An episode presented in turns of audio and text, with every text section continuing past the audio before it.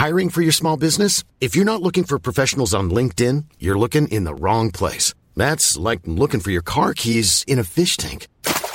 LinkedIn helps you hire professionals you can't find anywhere else, even those who aren't actively searching for a new job but might be open to the perfect role. In a given month, over 70% of LinkedIn users don't even visit other leading job sites. So start looking in the right place. With LinkedIn, you can hire professionals like a professional. Post your free job on linkedin.com slash people today.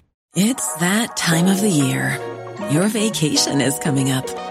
You can already hear the beach waves, feel the warm breeze, relax, and think about work. You really, really want it all to work out while you're away. Monday.com gives you and the team that peace of mind. When all work is on one platform and everyone's in sync, things just flow wherever you are. Tap the banner to go to Monday.com. Nice. Yeah. What you're hearing are the sounds of people everywhere putting on Bombas socks, underwear, and t-shirts made from absurdly soft materials that feel like plush clouds. Yeah, that plush. And the best part? For every item you purchase, Bombas donates another to someone facing homelessness. Bombas. Big comfort for everyone. Go to bombas.com slash ACAST and use code ACAST for 20% off your first purchase. That's bombas.com slash ACAST. Code ACAST. Du lyssnar på det sextonde avsnittet av Nyans, våran feministiska true crime-podd som går igenom olika uppmärksammade rättsfall. Och de som ni hör prata om det här är Hanna Bergvall, Paula Dahlberg och jag, Kajan Andersson. Idag så kommer vi att prata om Abbe Blattelito.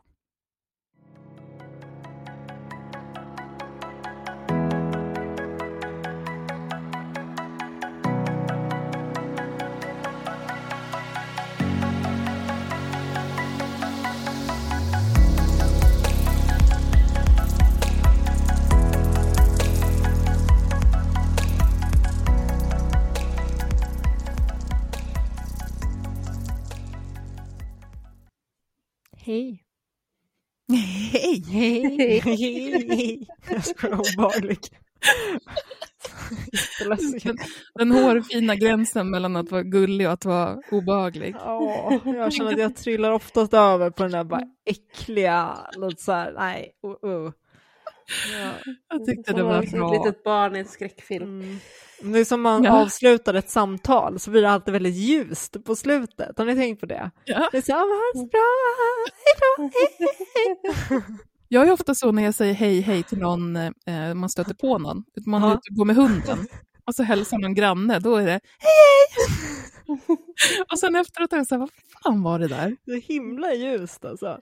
Jag, jag, jag har ju den här att ju, ju närmre samtalet, när, när jag vill liksom nu är det dags, nu ska vi avsluta, då går Ja. det ljusare, ljusare, ljusare. Då klättrar du upp i Ja. pitch. Ja. Mhm. Hur mår ni?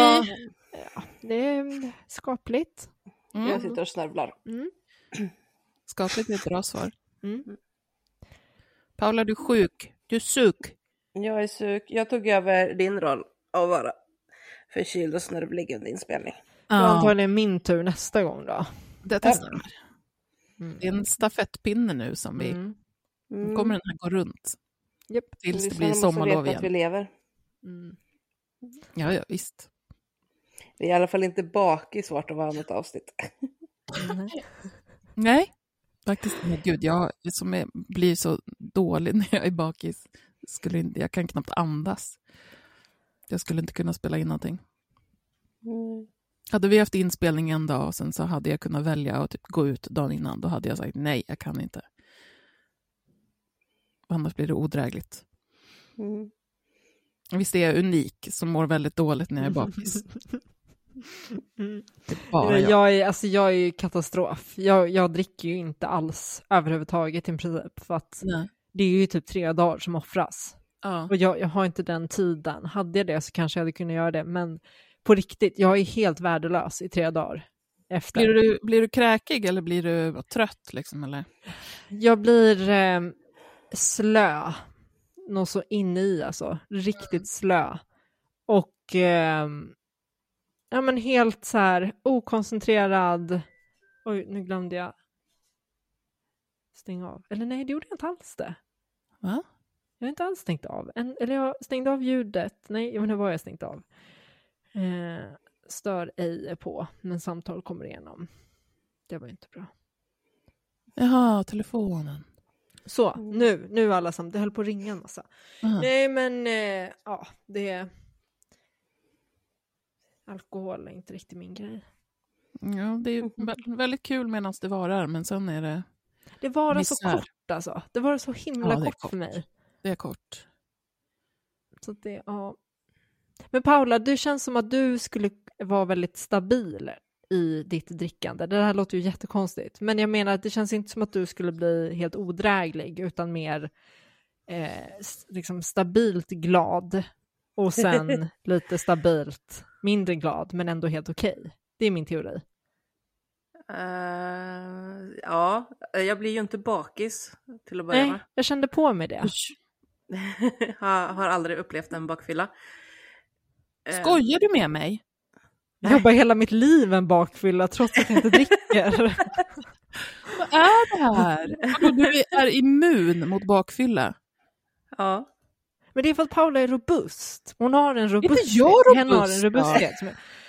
Ja men alltså jag... jag vet inte. Det... Jag får en viss... Det känns kanske som att du är mer som mig i det här. Medan Paula kör sin grej som Ja. är... Ja men ja. Vi kanske borde dricka tillsammans snart och se, se vad som händer och mäta. Utvärdera. Och sen dagen efter också. Ja. Jag har varit med om det några gånger. Alltså fått väldigt, väldigt billig fylla. För att folk liksom bara ska försöka supa mig under bordet och se om jag verkligen inte blir bakis. Och så har de liksom suttit i, eh, suttit i fåtölj och eh, mått jätte, jättedåligt dagen efter och jag som var som vanligt. Mm. Men Paula, när du dricker, märker man att du har druckit? Blir du full? Ja. Så att du, du blir det här, du blir rolig och härlig? Ja, sen, sen ehm, eh, är inte allt, alltså det är sällan jag dricker speciellt mycket. Nu när jag var på, på ehm, den här jobbfesten eller liksom firandet hela helgen så serverades ju alkohol varje kväll liksom. Men jag drack ju tre glas vin. Men alltså jag förstår inte det här, för att om jag var som du, då skulle jag typ dricka hela tiden, om jag aldrig blev bakis. Det vore jätte, då är det bara Mm. att köra, tänker jag. Det här är superdåligt advice. Jag har den här lilla grejen med alkoholism och sånt där bara. ja. Som inte är så toppen, Precis. men annars så. Ja. ja, men alltså jag blir ju full och jag har ju druckit någon gång sådär att jag liksom eh, ja, men nå- någon gång i min, min ungdom så att säga, när jag var typ 19-20 så drack jag ju någon gång så att jag liksom inte kunde stå på benen, bara raglade mellan väggarna i studentkorridoren och sådär, men jag var ändå inte bakis dagen därpå. Det är helt, Det är den sjukaste otroligt. superkraft jag har talas om. Nej, men alltså det är helt otroligt. Och det, den gången som jag kommer ihåg då jag verkligen alltså, så- söp tills jag kräktes och sådär, då, då gick jag ju in i min ställning och sa att, nej, men att jag, jag vill uppleva hur det är att vara riktigt bakis. Så jag tänkte att nu ska jag supa riktigt, riktigt ordentligt när det var studentfest och eh, gratis alkohol. Och jag blev inte bakis. Jag vart hungrig. Så jag Men drog alltså, i mig en skål med fil och sen mådde jag bra. En skål med fil. En skål med fil. Det är inte så här hamburgare eller en pizza, utan en skål med fil. Och sen, sen allt bra. Alltså det är helt Ja. otroligt. Ehm, Ja, grattis. Ja, nej, jag, jag, har inget, jag har inget att komma med. Jag är tydligen Alltså, jag- vare sig robust eller pålitlig när det kommer till bakfyllor, så jag lägger mig och blottar strupen direkt. Ja, men det är bra. Jag eh, dricker ett glas vin eller ett halvt och sen, sen är jag liksom ja, färdig för Alltså jag, kan, jag väger ju en bra bit över 100 pannor och kan ju dricka mängder. Alltså så Mm. är det liksom inga problem. Men eh, bakfyllan kommer jag inte ifrån. Nej. Jag får varken det roliga med dricka och jag får bakfyllan, så det, det är inte så högt. Ah, ja, skitsamma hörni. Ska vi, Ja. ska vi gå över till... Nej, nu börjar jag sådär obehagligt prata jättenära mikrofonen. Jag kände, hörde mina egna hörlurar blev den här liksom sensuell. Ja, men det är ju det vi har sagt. Om, gud, så känner jag hela tiden. Jag sitter ju och flåsar mot, mot puffskyddet. Det brukar jag innan jag kommer in i vår inspelningsmokagäng. Sitter Då brukar jag sitta och prata med mig själv lite. Så här, Köra sån här ASMR. Mm. Håller på att skrapa mot puffskyddet. Får spela in det nästa gång. Ja. Vi Ja, kanske borde släppa några ASMR-klipp Ja, till våra visst. Patreons. Visst, man kan få önska vad man vill höra. Ja, jag kan bjuda på det mesta. Tänkte jag. Jag kan höja min mick till max när jag byter snus. Ja. Det vill jag höra. Ja, vill du det? Ja, men jag vill. Jag, jag vill verkligen. Ja, det Ska du blir... göra det nu eller?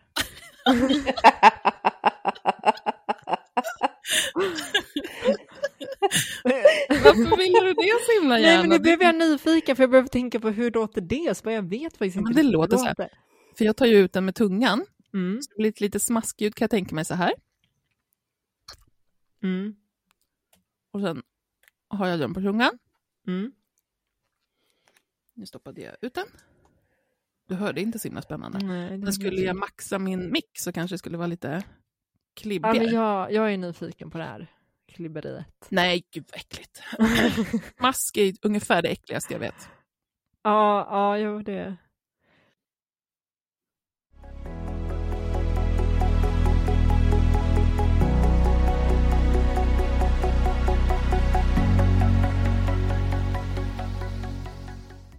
Du lyssnar på Nyans. Då tar vi och kör igång. De som vi kommer prata om idag är ett, eh, den som blir drabbad, som heter eh, Annie.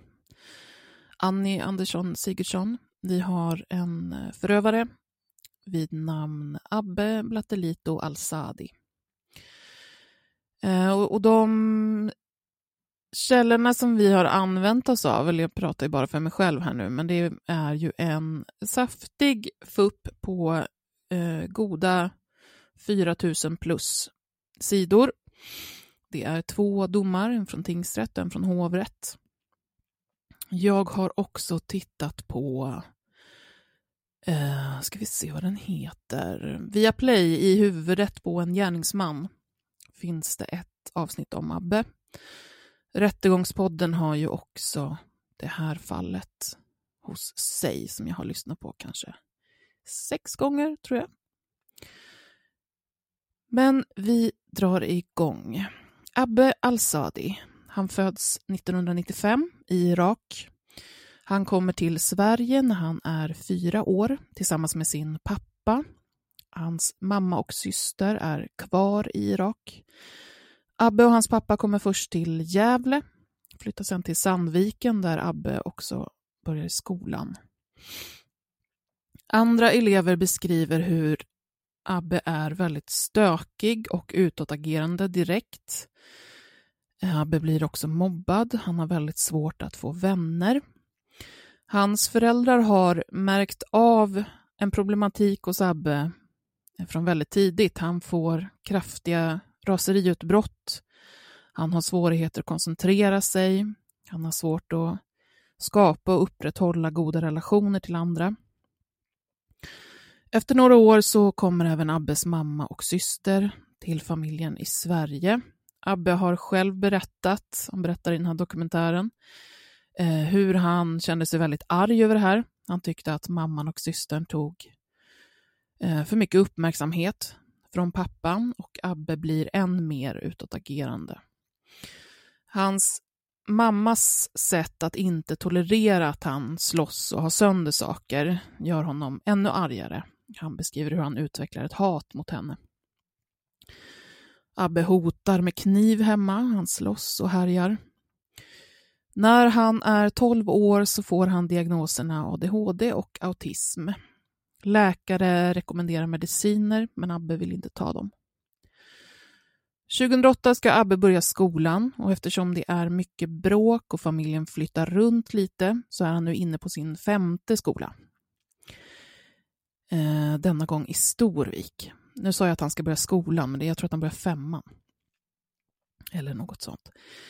Eh, bråken och utanförskapet fortsätter och Abbe har fortfarande inga vänner. Hans självkänsla är otroligt låg. Abbe rispar en kille med kniv och hamnar i ungdomshem utanför Göteborg. Han tycker att det här är föräldrarnas fel, att han har hamnat där han har hamnat. Han är otroligt arg och besviken på dem och han bryter kontakten med sin familj helt. Abbe flyttar sedan runt på en rad olika ungdomshem. I ett dokument från ett av ungdomshemmen så skriver man i en rapport så här. På avdelningen här och under utredning har Abdallah visat uttalade ADHD-symptom med stark motorisk rastlöshet, kort tålamod, betydande koncentrationssvårigheter och kort uthållighet. Också visat uppenbara svårigheter att förstå socialt samspel, är för intensiv och ser inte hur andra reagerar, har svårt att ta hänsyn, men har mycket stort behov av att vara med andra och blir ledsen när det inte fungerar. Det är också tydligt att Abdallah har svårt att förstå och uttrycka sig på svenska och föräldrarna beskriver att det är likartat på hemspråket.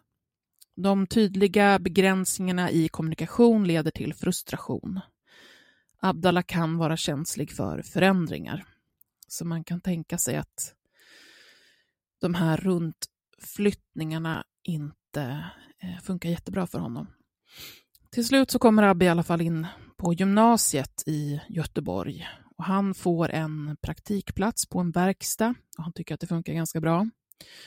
Snart efter det, 2014, så misshandlar Abbe en kille allvarligt. Eh, killen får sparkar och slag mot huvudet och Abbe döms för grov misshandel. Kriminalvården skriver i ett uttalande att Abbes brottsliga gärningar tyder på ett antisocialt personlighetsmönster och att han dessutom uttrycker förminskande attityder och värderingar gällande sin egen aggressionsproblematik. Han bedöms vara likgiltig inför det han gör mot andra människor. När han döms för det här bestämmer han sig för att skita i allt och att leva kriminellt istället. Han festar, tar droger och han startar ett konto på Snapchat där han går under namnet Blattelito. Han beskriver själv i den här dokumentären att han vill att det här skulle vara ett konto som visar att eh, den här blatten lever en livsstil som ingen Svensson lever. Eftersom hans innehåll är så pass urballat med droger, vapen, han filmar när han ligger med tjejer, eh, när han äggar bilar och spårvagnar. Eh, men eftersom det här är så uppseendeväckande så ramlar följarna in. De blir fler och fler. Abbe får den bekräftelse och den uppmärksamhet som han tycker att han har saknat. Av vänner så beskrivs han som en trasig person med noll självförtroende, inga pengar, eh, men som lever ut i den här personan som tvärtom då har allt självförtroende och alla pengar i världen. Men snart blir Abbe häktad misstänkt för misshandel igen. Hans psykiska mående är väldigt illa däran. Han blir suicidal. Abbe flyttas till en psykiatrisk avdelning men får ganska så snart komma ut. Och Det första han gör när han kommer ut är att lägga ut en Snapchat-video om hur han har kommit ut från häktet och är fri. Han går på en gata och jublar. Liksom. Abbe flyttar till Linköping 2017 och träffar en tjej. Det är i Linköping som han börjar tatuera sig och kommer i kontakt med tramadol. Det är ett smärtstillande ämne som är morfinliknande eh, beroendeframkallande. Samma år börjar Abbe träna mer och mer och han börjar ta anabola steroider. Omgivningen beskriver hur Abbe blir mer och mer aggressiv. Snart blir han också hotfull och våldsam mot sin flickvän. Han kallar henne hora, gör utfall mot henne. Ehm, hon och andra beskriver det som en personlighetsförändring hos honom och det är inte ovanligt med personer som går på anabola. Ehm, flickvännen lämnar honom och han flyttar till Stockholm under sommaren 2017. Eh, vid någon period här så flyttar han också till Uppsala vet jag. Jag har inte skrivit upp exakt när det var. Eh, men det är i alla fall i den här vevan som han träffar Annie och de blir ett par. I samband med att Abbe börjar träna och tatuera sig eh, och tar anabola så stiger hans följarantal ganska ordentligt. Han försörjer sig dels genom olika betalda samarbeten på sociala medier. Han har också ett stort konto på Instagram till exempel. Och dels genom att sälja Melanotan, eh, kallas Mello. Ett preparat som ska göra användaren brunare hyn, smalare och öka sexlusten. Läkemedelsverket skriver så här. Melanotan 2, även kallad Barbie-drogen, är ett hormonpreparat som injiceras eller tas som nässpray. De uppges göra användaren solbränd, smal och öka sexlusten. Produkterna är inte kontrollerade och kan skada hälsan allvarligt. Läkemedelsrådet avråder från all användning. Det går inte lång tid innan Abbe flyttar in hos Annie i hennes lägenhet i Solna, där också Annies dotter, som då är två och ett halvt år, bor. Bråken, våldet och svartsjukan finns där ganska så tidigt i relationen, redan efter några månader, men eskalerar med tiden. I början av relationen köper paret en bil, eh, en bil som skrivs på Annie eftersom Abbe inte får ta lån. Det är en dyr, eh, rätt flashig sportbil. Jag tror att den kostar nästan 800 000. Eh, som ska passa in med Blattelitos image. Tillsammans så betalar Annie och Abbe en kontantinsats för bilen på 150 000 kronor. Och de kommer överens om att Abbe ska stå för kostnaderna för bilen medan Annie betalar för bostaden. Bilen och kostnaderna kring den kommer att bli ett återkommande ämne i, ska vi kalla det konflikterna de emellan. Till exempel så råkar Annie repa bilen mot ett staket när hon kör sin dotter till förskolan och Abbe blir vansinnig. Det blir också bråk kring reparationskostnader. Eh, det där kommer vi in på sen. Hösten 2017 så stegras aggressionerna. Abbe slår sönder saker i lägenheten. Under slutet av året dokumenterar Annie olika skador på kroppen. Hon skickar också, hon tar bilder på de här skadorna så skickar hon till sina vänner som hon eh, berättar om en del av det här våldet för. Hon skickar också bilder på saker som när Abbe häller ut Annis smink i badkaret. Hon inte svarar i telefon eller inte vill komma hem eh, och hotar att spola vatten över det eh, på en massa otrevliga sätt. Um, allt sånt här så skickar då Annie till sina vänner och ber dem spara det för att de ska ha det här materialet. Annie blir uppmanad av sina närmaste att anmäla Abbe, men hon vågar inte.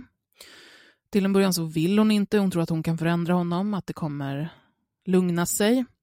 Och när hon känner att det inte gör det längre så vågar hon inte. Hon är rädd för vad som ska hända då. Hon är rädd för att allt ska bli värre. Vid årsskiftet 2017-2018 så flyttar Abbe ut.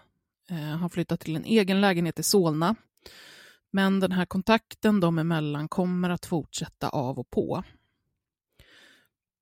I början av 2018 träffar Abbe en ny tjej som han inleder en relation med. Ungefär vid samma tid vågar Annie slutligen polisanmäla Abbe. Eller ja, nästan i alla fall. Hon eh, går till polisen och berättar att Abbe slog henne för första gången under halloweenhelgen 2017 och att han sedan dess har misshandlat henne, eh, till och med knivhuggit henne vid två tillfällen. Hon berättar om alla saker som han haft sönder.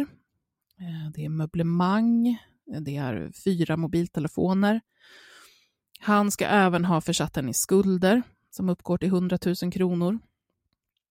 I sin polisanmälan berättar Annie att trots att hon har gjort slut med Abbe så fortsätter han att ringa henne 50-70 gånger per dag. Abbe hotar att säga till socialen att hon knarkar så att hon ska bli av med vårdnaden eh, om sin dotter. Då. Polismannen som tar emot hennes anmälan berättar hur rädd Annie är när hon berättar. Hon skakar hela kroppen när hon berättar vad Abbe har utsatt henne för. Annie är faktiskt så pass rädd att hon inte vågar säga vare sig vad hon själv heter eller Abbes namn. Det här gör att ärendet kommer att läggas ner. Anmälan är liksom inte fullbordad. 14 januari 2018 skickar Abbe en video till Annis föräldrar. De är utomlands för det här tillfället. På videon så ramlar Annie ihop i badrummet. Hon är naken och helt utslagen. Abbe skriver till Annis föräldrar att så här beter sig er dotter och ert barnbarn är hemma. Annie har fått i sig droger och förs till sjukhuset med ambulans. Det är hennes syster som på föräldrarnas inrådan ringer efter en ambulans. Eh, där hon magpumpas. Annie har då en stor mängd tramadol i sig. Till sin familj så säger Annie att det här har skett av misstag, att tabletterna blandades ihop med värktabletter, att hon hade ont i huvudet, hon hade slagit i en skåplucka på natten och då har tabletterna blandats ihop. Men till sina vänner berättar Annie att Abbe har tvingat i henne tramadol. Han har bokstavligt talat kört ner dem i halsen på henne. Så när Annie är naken och medvetslös på golvet tar Abbe kort och filmer och skickar det inte bara till Annies föräldrar utan även till en av hennes vänner. Han skriver till den vännen att det är vännens fel om Annie dör och att samma sak kommer att hända henne för att hon har sagt till Annie att göra slut med Abbe. Men vi får aldrig veta exakt vad det var som hände den där dagen. Ett tag senare är Annie och hennes dotter och sover över hos en kompis när Abbe dyker upp. Han står utanför, han skriker och gormar, kallar dem för olika saker. Han försöker bryta sig in, han kastar stora stenar och förstör fönster. Vännen som bor i lägenheten larmar polisen och en patrull kommer och lyckas, eh, lyckas ta Abbe. Och så tillbaka till bilen. Den skadas på en massa olika vis. Det är inte så konstigt när man ser videoklippen som Abbe lägger upp kring hur han kör med bilen. Eh, och de här reparationskostnaderna sticker iväg. Abbe vill inte betala. I ett samtal som finns inspelat och spelades upp i rätten så ringer Annie till Abbe och Abbes nya tjej eh, spelar in ljudet på sin telefon. De sitter i bilen tillsammans. Men i det här samtalet så står Annie på sig kring de här kostnaderna och allting som Abbe är skyldig henne. Abbe säger att varför ska jag betala när du gör slut med mig? Eh, men Annie räknar upp alla kostnader som har blivit på grund av att Abbe till exempel då har slagit sönder hennes lägenhet. Annie pratar också öppet om våldet hon har blivit utsatt för. Och det märks ganska tydligt här hur Abbe tappar greppet om Annie. Hon säger i samtalet att hon inte är rädd för honom, att hon har bevis för allt han har gjort. Om han inte betalar så kommer hon gå till polisen imorgon. Eh, han försöker få det till att det är hon som är svartsjuk för att han har träffat en ny tjej, vilket Annie säger att hon inte kunde bry sig mindre om.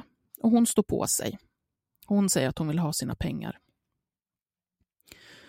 Kvällen den 25 april pratar Annie med en kompis på telefon. Hon berättar om det här samtalet med Abbe, att hon vill ha sina pengar och inget annat med honom att göra. Hon säger också att han inte har, har hört av sig sedan det här samtalet och han no, att han nog inte kommer göra det heller. Men så säger hon plötsligt till sin vän att vara tyst i telefonen. Eh, och Sen säger hon att hon är säker på att Abbe står utanför hennes dörr. Efter en lång stunds tystnad så eh, är hon tillbaka i telefonen och säger att nej, men det var inte han. Han var inte där. Och när hon har försäkrat sin vän om det, det är vid midnatt, så lägger de på. Dagen efter, 26 april 2018, ringer Abbe till Annis mamma. Han säger att han vill komma hem till henne och lämna pengar till Annie som han var skyldig. Annis mamma reagerar kraftigt på den här kontakten. Abbe brukar inte ringa henne så här och Annie brukar inte vara hemma hos mamman. Han vill också att mamman ska åka med honom hem till Annie för att han inte får tag på henne eh, och så att han ska kunna lämna de här pengarna. Hon tycker att det här också är väldigt konstigt. Abbe kontaktar också Annis kompisar, ett par av dem, på samma sätt.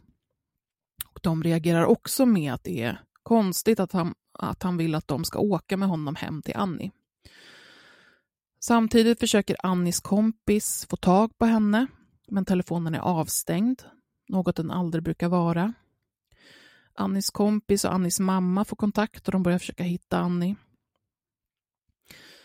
Eftersom Abbe har fått höra från mamman att hon inte vet vad Annie är eh, säger han att han beger sig till Annis lägenhet där Annie inte öppnar. Det här är alltså vad Abbe själv berättar om situationen.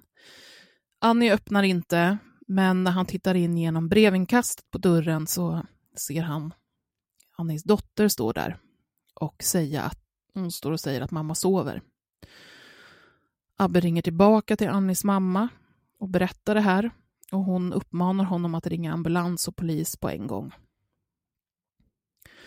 Klockan 14.14 .14 får larmcentralen ett samtal från Abbe. Han befinner sig då alltså utanför Annis lägenhet. Han berättar att hon inte öppnar och att han pratar med dottern genom brevinkastet. Annis mamma kastar sig i bilen och åker dit. Men när det har gått lite tid och hon kommer fram så är polisen redan där.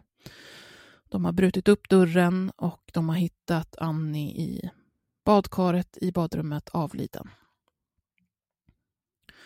En ambulanssjukvårdare berättar i rätten att hon har reagerat på hur Abbe betedde sig på plats. Han var inte ledsen, säger hon. Hon säger att det var kallt och rätt tomt hos honom i hans bemötande.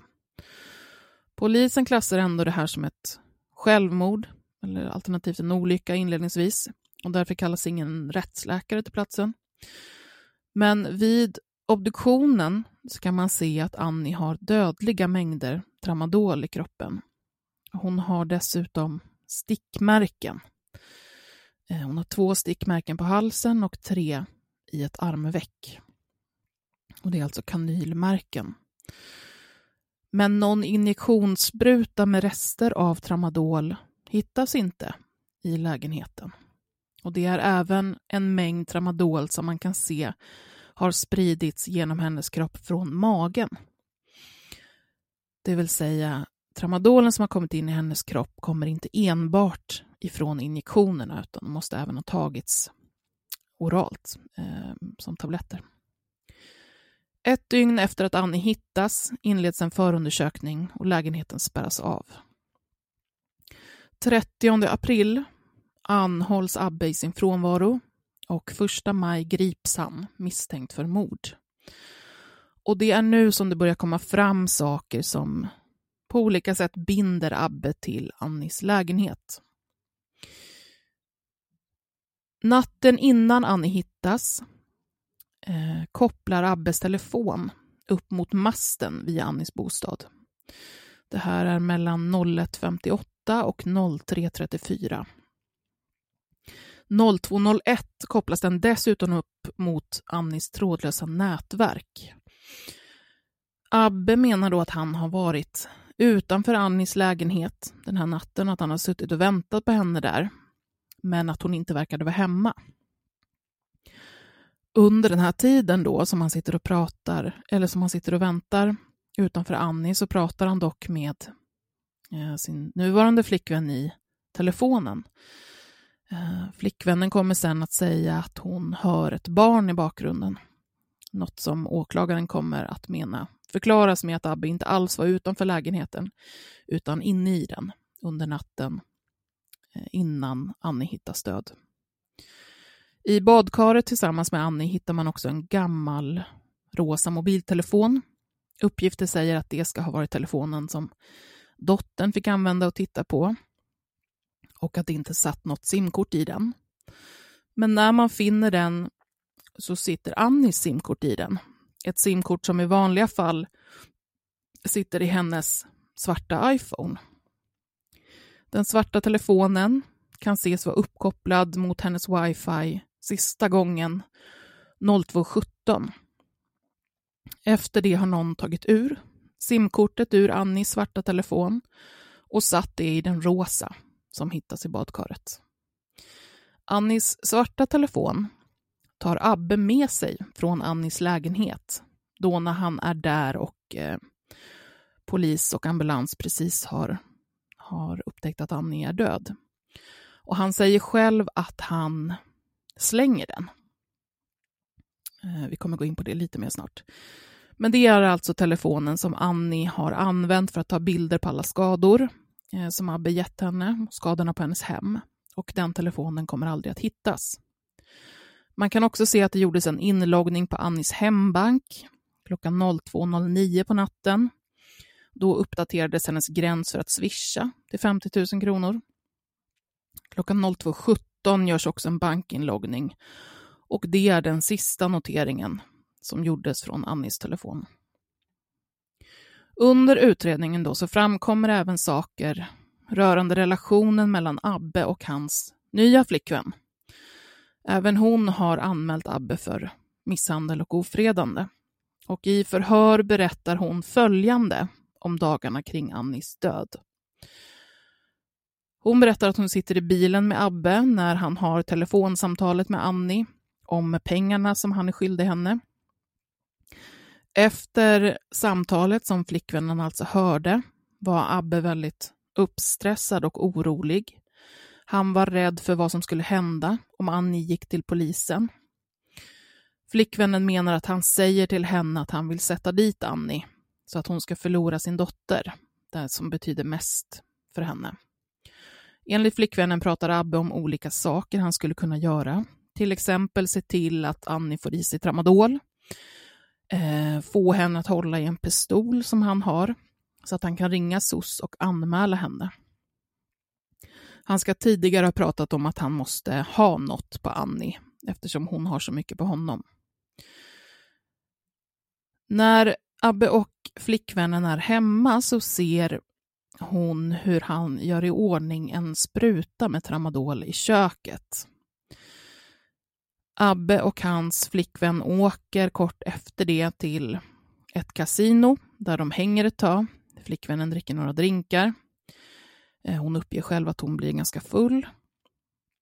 När de ska åka hem så säger hon att Abbe istället för att köra hemåt kör mot Solna och Annis lägenhet. Han ber henne vänta kvar i bilen samtidigt som han går ur och hämtar något ur bakluckan. Flickvännen berättar att hon känner på sig att det är någonting som inte är bra som kommer hända. Hon ringer till en kompis eftersom hon är orolig för att Abbe ska göra något dåligt, att han ska skada Annie. Kompisen säger till henne att hon ska ta bilen och åka därifrån och det gör hon. Efter ett tag så ringer Abbe till flickvännen. Det är då som hon hör ett trött barn i bakgrunden, säger hon. Och hon blir rädd att han ska bli arg på henne och hon åker tillbaka. Men hon stannar inte utanför Annie utan hon åker vidare och åker hem till sin kompis, stänger av telefonen och stannar där tills dagen efter. Flickvännen berättar också att Abbe, när han får reda på att han är anhållen, säger till henne att han var hemma hos Annie och att han gav henne sprutan som han hade planerat och att hon inte hade gjort motstånd, men att hon fick ett eh, krampanfall och att han då försökte ge henne vatten och jordgubbar. Han sa också att han lämnat tramadol hemma hos Annie och att de var borta när han kom in eh, dagen efter, där tillsammans med polisen. Till flickvännen ska Abbe ha sagt att Annie var vaken när han gick. Hon, det där är förresten någonting som jag tror att hon tar tillbaka sen. Eh, hon säger också att Abbe återställde sin telefon efter det här och att han skaffade sig en ny telefon.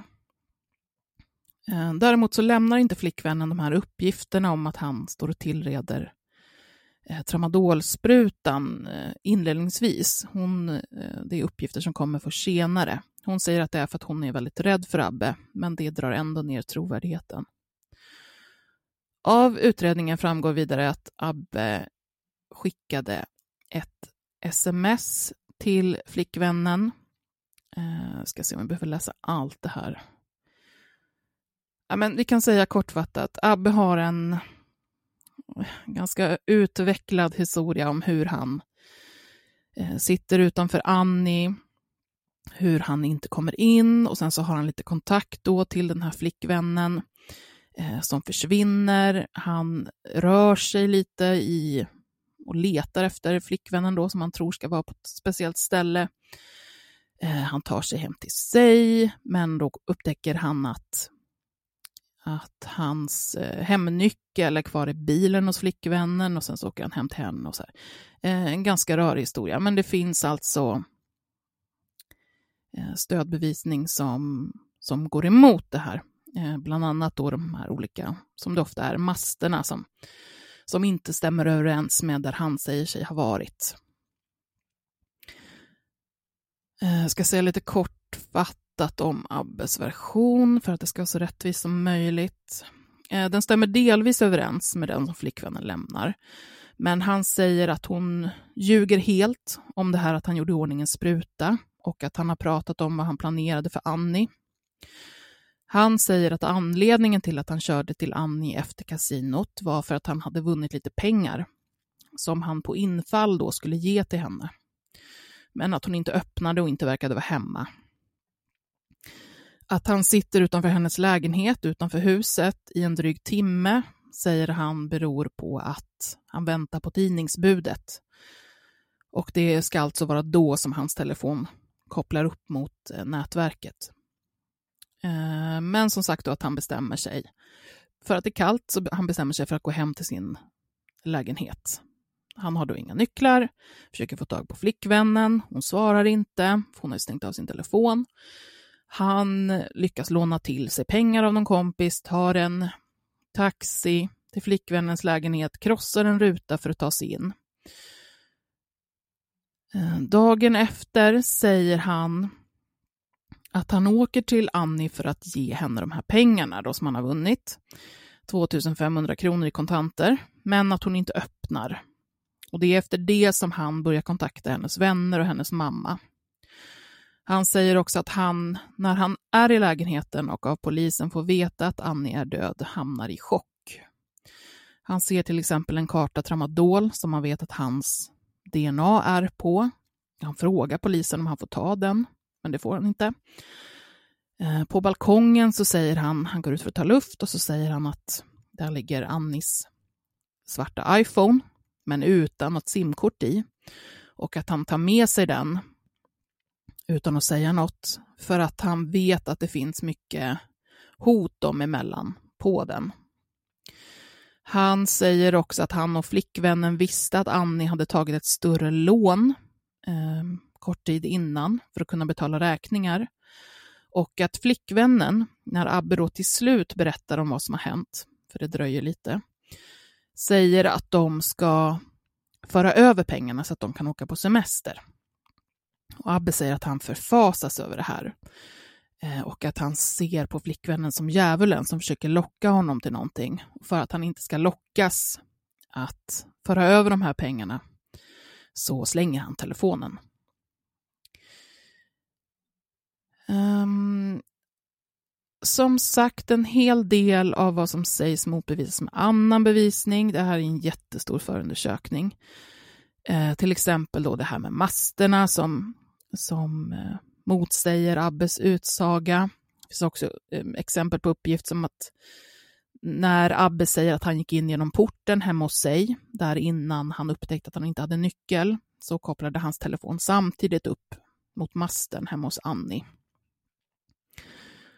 I slutet på den här dokumentären på Viaplay, som Annis mamma faktiskt också är med i, så berättar hon, och det här ska ju tas för vad det är, nämligen något som berättas i en dokumentär, ehm, så berättar hon att hennes barnbarn senare har sagt några saker.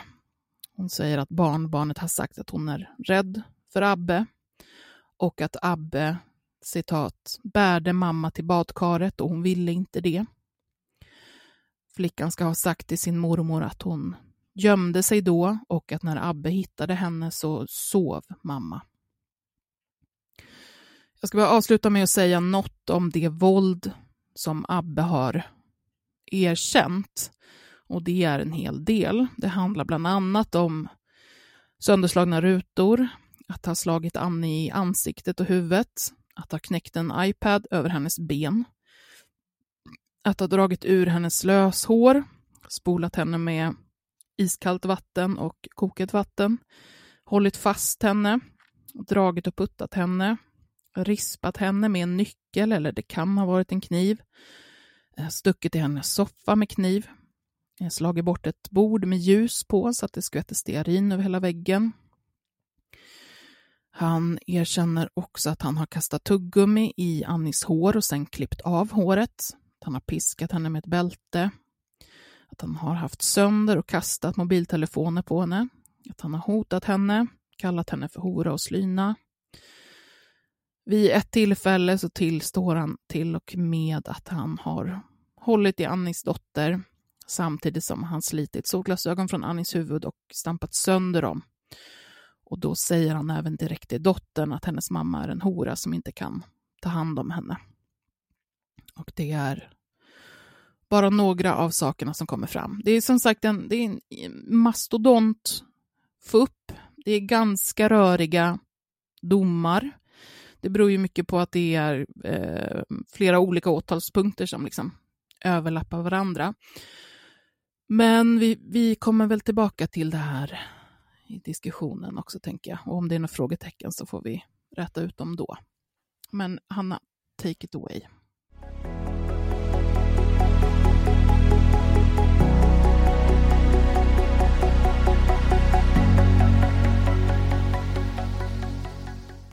Du lyssnar på Nyans. Ja, tack Kajan för en jättebra genomgång.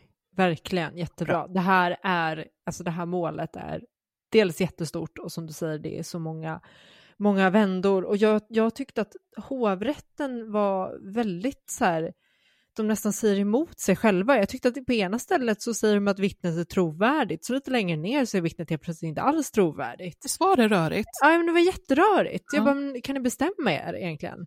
Eh, så det, var, det är antagligen att det är olika delar, men det var, det var svårt att få grepp om. Men vi börjar med tingsrätten, vad som händer där den domen var ju betydligt lättare att hänga med, väldigt välskriven och tingsrätten liksom håller den i, i handen hela vägen. I tingsrätten så döms Abbe för mord, grov kvinnofridskränkning, narkotikabrott, olaga hot. Eh, vi ska se, det var en hel lista. En hel lista med grejer som han döms för. Jag ska ta upp den.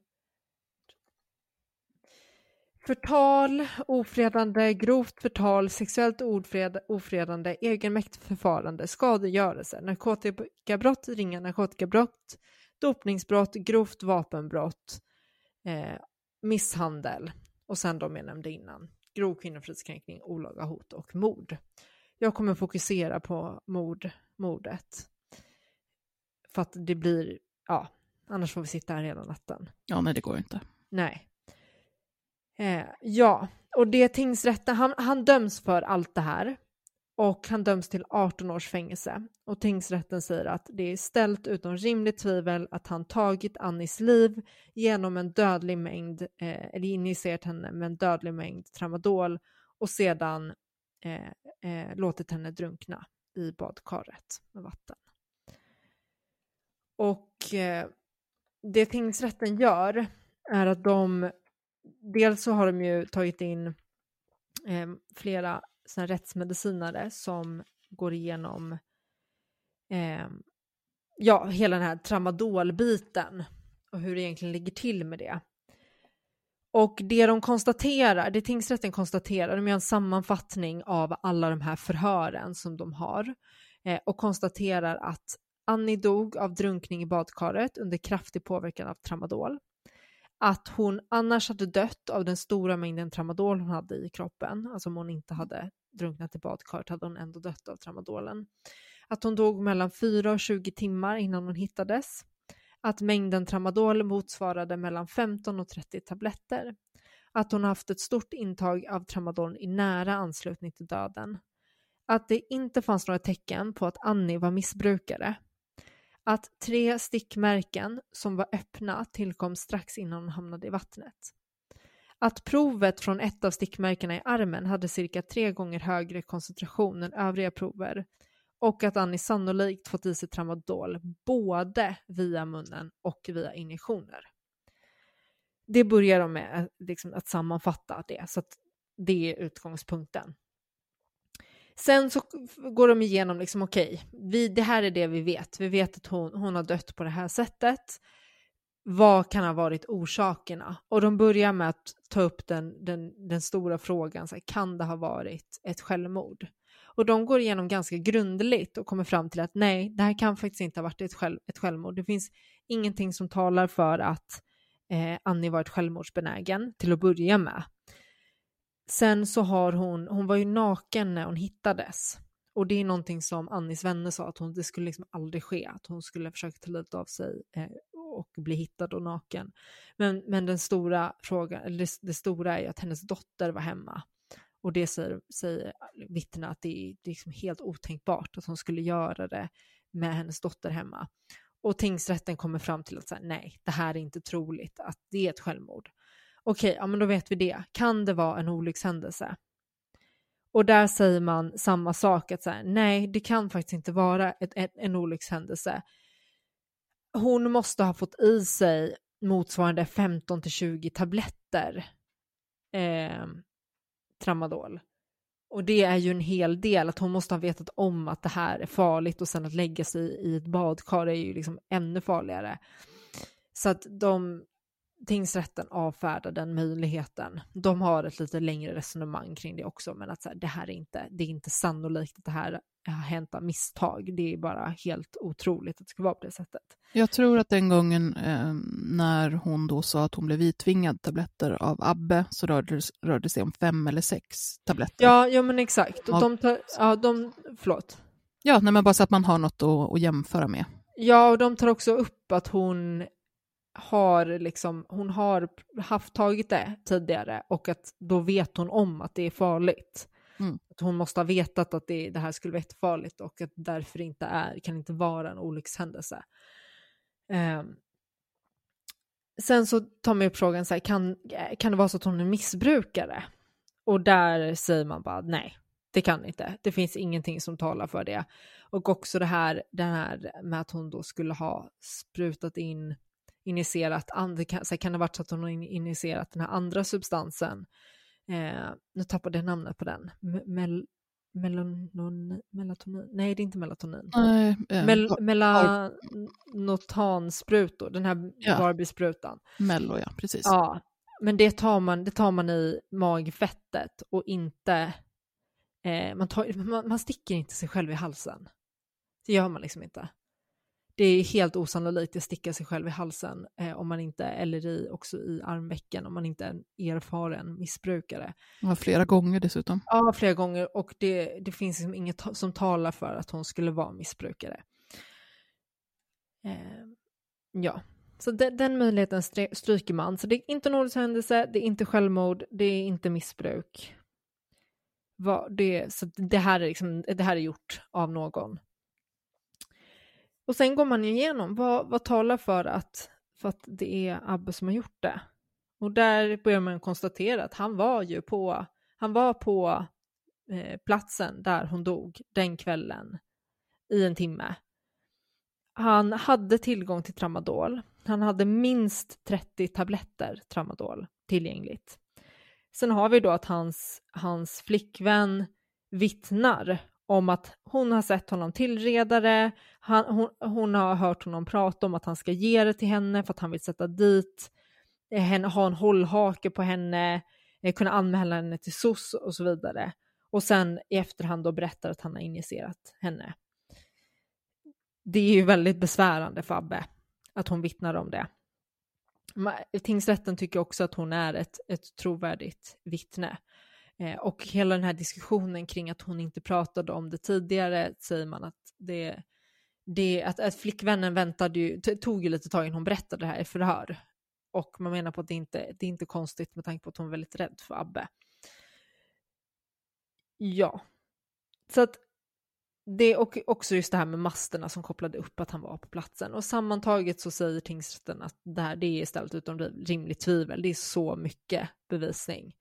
Eh, och också mycket av det som Kajan redan har gått igenom talar för att så här, det, det, han måste ha gjort det. Det finns inget annat rimligt alternativ. Och Abbe försöker ju också med eh, att få det till att det kan, kan det vara alternativa gärningsmän, men allt det där avfärdar man. Eh, det kan inte det. Det finns ingen annan som det skulle kunna vara. Eh, och också det här att han ändå, han har ju haft ett motiv eh, till att göra det. Ja, jag tänker också att han Eh, det, det, skriver ju tingsrätten på flera ställen att, att den utsagan som Abbe själv ger eh, är, är orimlig. Alltså ja, den... Alltså den är helt os den är helt, det är helt uppenbart att han ljuger. Det säger både ja. tingsrätten och hovrätten sen. Att så här, ja. vi behöver inte lyssna på något han säger, för det är helt, helt orimligt. Eh, det, det han eh, säger. Ja. Eh, men det, det som är lite intressant eller jag tänker jag ska gå in, gå in mer på, på vad hovrätten säger också. För hovrättens dom är ju mer intressant, för det, det som händer i hovrätten är att han frias för mord. Han, är, han döms fortfarande, han frias inte för alla punkterna, inte grov kvinnofridskränkning och ja, men jag läste ju en hel drös. Men för mordet frias han och sen frias Hey, it's Ryan Reynolds and I'm here with Keith, co-star of my upcoming film If, only in theaters May 17th. Do you want to tell people the big news?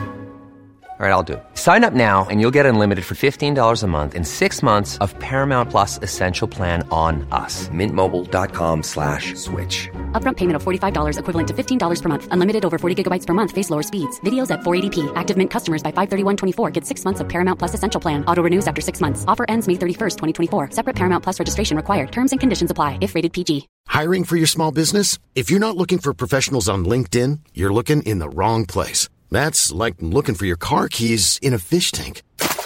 LinkedIn helps you hire professionals you can't find anywhere else, even those who aren't actively searching for a new job but might be open to the perfect role. In a given month, over 70% of LinkedIn users don't even visit other leading job sites. So start looking in the right place. With LinkedIn, you can hire professionals like a professional. Post your free job on linkedin.com slash people today. Han också för ett fall av misshandel. Nej, ofredande tror jag att det var. Just det. Nu och, lever min dator loppan här. Och sen är det ju, eh, och det tycker jag kan vara spännande att bara lyfta, att eh, när, när åklagaren yrkar för vad Abbe ska fällas för, och, och, så här ser det ju oftast ut, att då vill man ju i, i första hand att han ska fällas eh, för mord. Men sen har man ju alternativa mm. åtalspunkter. Eller liksom, om han inte fälls för mord så vill man eh, att han ska fällas för försök till mord och vållande till annans död. Om han inte fälls för det så vill man att han ska fällas för grov misshandel och vållande till annans död. Och sånt. Men, men att i hovrätten så frias han. Han frias helt. Från, från alla dem? Från, ja, helt. Mm. Mm. Eh, han frias helt från mord och sen frias han för ett fall av misshandel som är en del av den, en del i ledet av den grova kvinnofridskränkningen. Eh, och han får som påföljd, istället för 18 års fängelse, så får han tre år och sex månaders fängelse. Vilket är väldigt kort i jämförelse med 18 år. Eh, och det hovrätten gör är att de börjar med att konstatera att vi, har, vi kan inte förhöra målsägande, Annie kan vi inte förhöra, och att det ställer större krav på bevisningen. Och det är ju ingenting konstigt i sig. Eh, och sen så lägger de väldigt, väldigt mycket fokus på de här rätts, rättsutlåtandena och eh, vittnesförhören med eh, de som har gjort de här rättsmedicinska tramadolundersökningarna. Nu kanske jag använder fel termer, men ni förstår vad jag menar. De som, de som gjorde undersökningar på, på Annie för att se Ja. hur det ligger till med tramadolen. Det, det är så nästan som att det är nästan det enda de fokuserar på. Eh, men där det, de, det hovrätten liksom hakar upp sig på, det är att de här rättsläkarna säger att till exempel att ja, det här, det, det de har hittat talar för att hon har haft, att det, det har förekommit ett stort intag nära döden. Det talar för att det finns, att, att, ehm, eh, att hon har fått i sig både via munnen och via injektion snarare än endast via nålstick eller endast via munnen. Och att, att de uttrycker sig på det sättet att det talar, de- här fynden vi hittar talar för att det ligger till på ett visst sätt och det hovrätten säger är att talar för att det är på ett visst sätt är inte tillräckligt säkert för att man ska kunna, liksom i det här sammanhanget så räcker det inte att säga att ja men den här, vi har hittat den här substansen, det talar för att det här har hänt. Att det räcker inte, säger hovrätten. Men då kan jag bli lite så här, är det här bara, det här är ju mer diskussionen egentligen, men det jag funderar på är lite så här, är det här bara hur man uttrycker sig olika inom olika, eh, inom olika, vad ska man säga, områden? Det kanske, när de säger, när, de, när rättsläkaren säger att ja, men det, här, det här fyndet talar för någonting, då kanske det är väldigt, väldigt säkert, att det kanske är väldigt, väldigt hög chans att det är på ett visst sätt. Eh, Ja. Men det, det, kan, det är nästan synd att det är ingen som, att man inte tar upp den diskussionen. Mm. Man hade gärna velat att någon, att de kunde liksom specificera vad innebär att det talar för, för att det, det är nästan som att det står och faller på det, att, att de säger att det, vi hittar talar för att det är på det här sättet, men ja. Ja, och det blir ett väldigt hårklyveri för att ehm, jag tänker att det, det är många situationer och många fall där man inte har ett sånt typ av liksom rättstekniskt bevis som rakt av säger att det, liksom, det är 100% säkert eh, att Nej, det var det så här. aldrig, alltså det har man Nej. aldrig. Precis, och, och rättens uppgift blir ju att ta de här, alltså den sammantagna bilden av Mm. av dem. Eh, vilket jag tycker blir väldigt konstigt, för när det är väldigt många av de här sakerna som de radar upp och alla de talar för ett scenario och det finns också annan stödbevisning som talar för det scenariot och, och det finns inget, inget Ja. alternativt scenario. Nej, men det är också det man ska komma ihåg, att, så här, ställt, att beviskravet är ställt bortom rimligt tvivel. Det är inte 100% säkerhet. Det är Nej. inte det. Det ska vara väldigt säkert, men det är inte så här, vi har 100% vetskap. För det går skulle ju inte. Då skulle, ingen kunna nej, då skulle ingen bli fälld. Men det, men det hovrätten säger är basically att nej, men vi, vi kan inte säga exakt hur det har gått till. Vi kan inte säga exakt vad som hände den natten.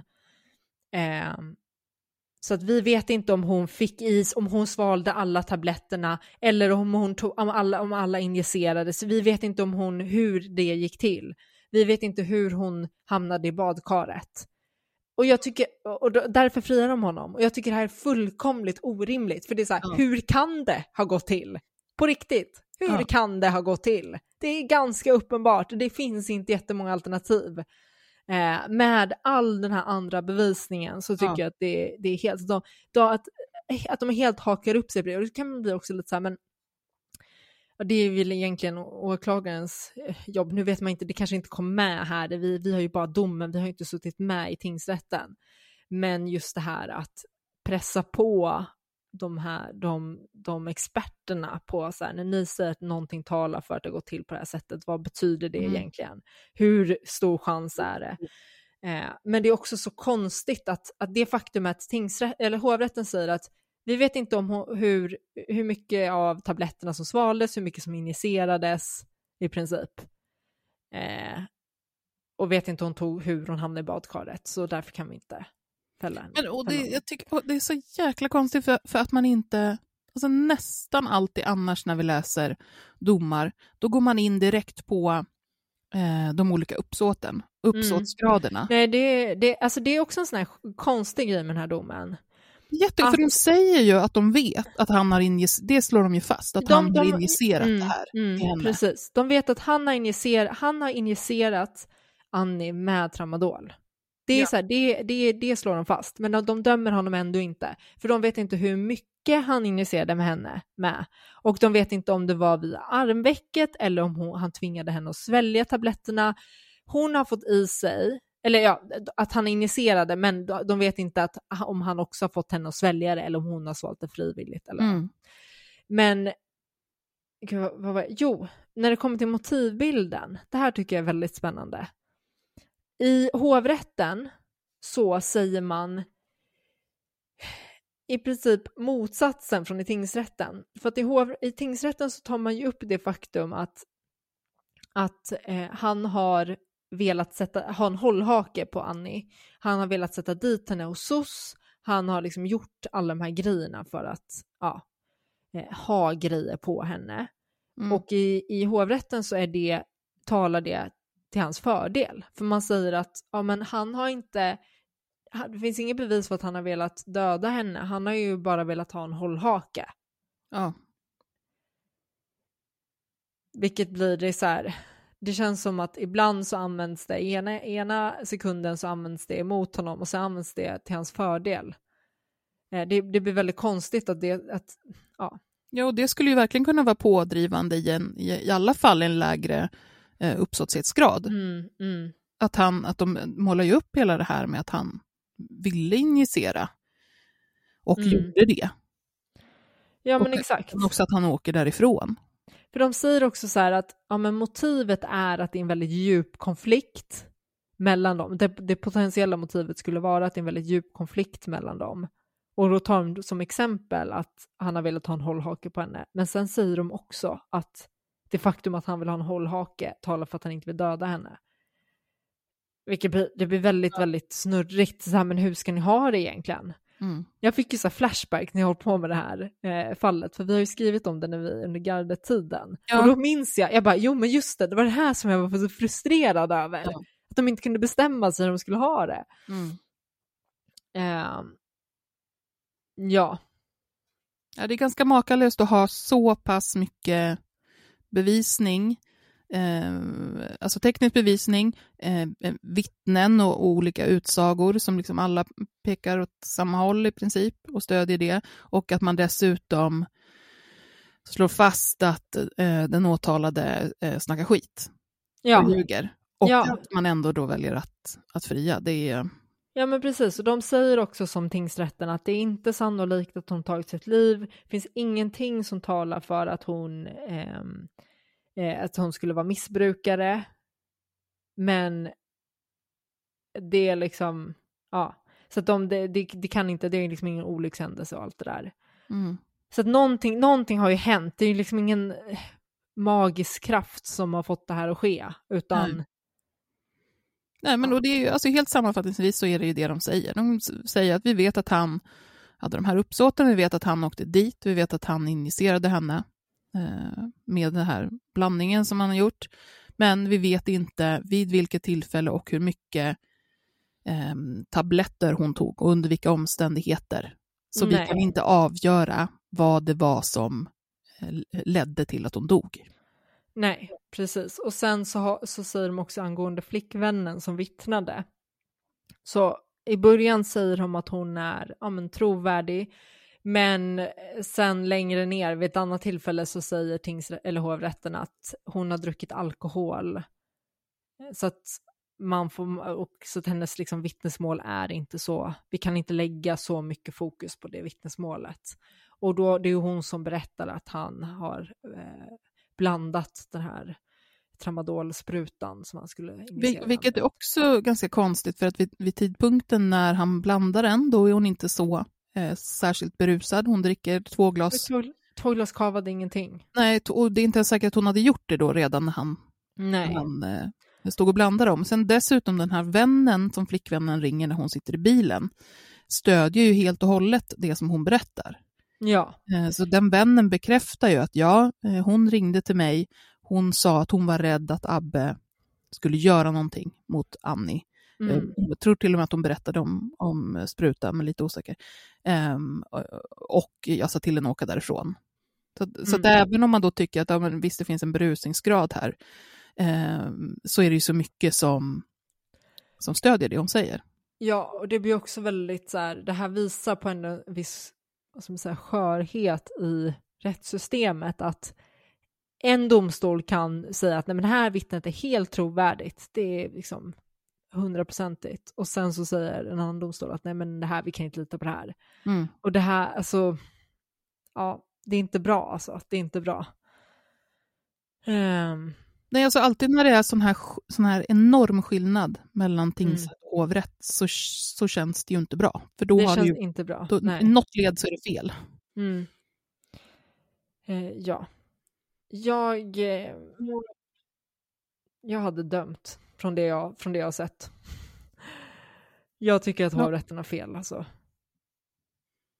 Ja, jag med.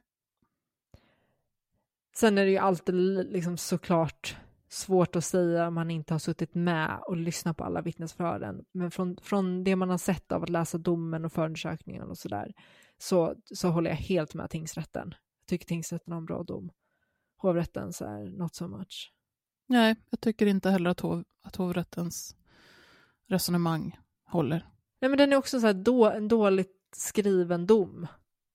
Ja, Ja. Paula, ska du ta det vidare?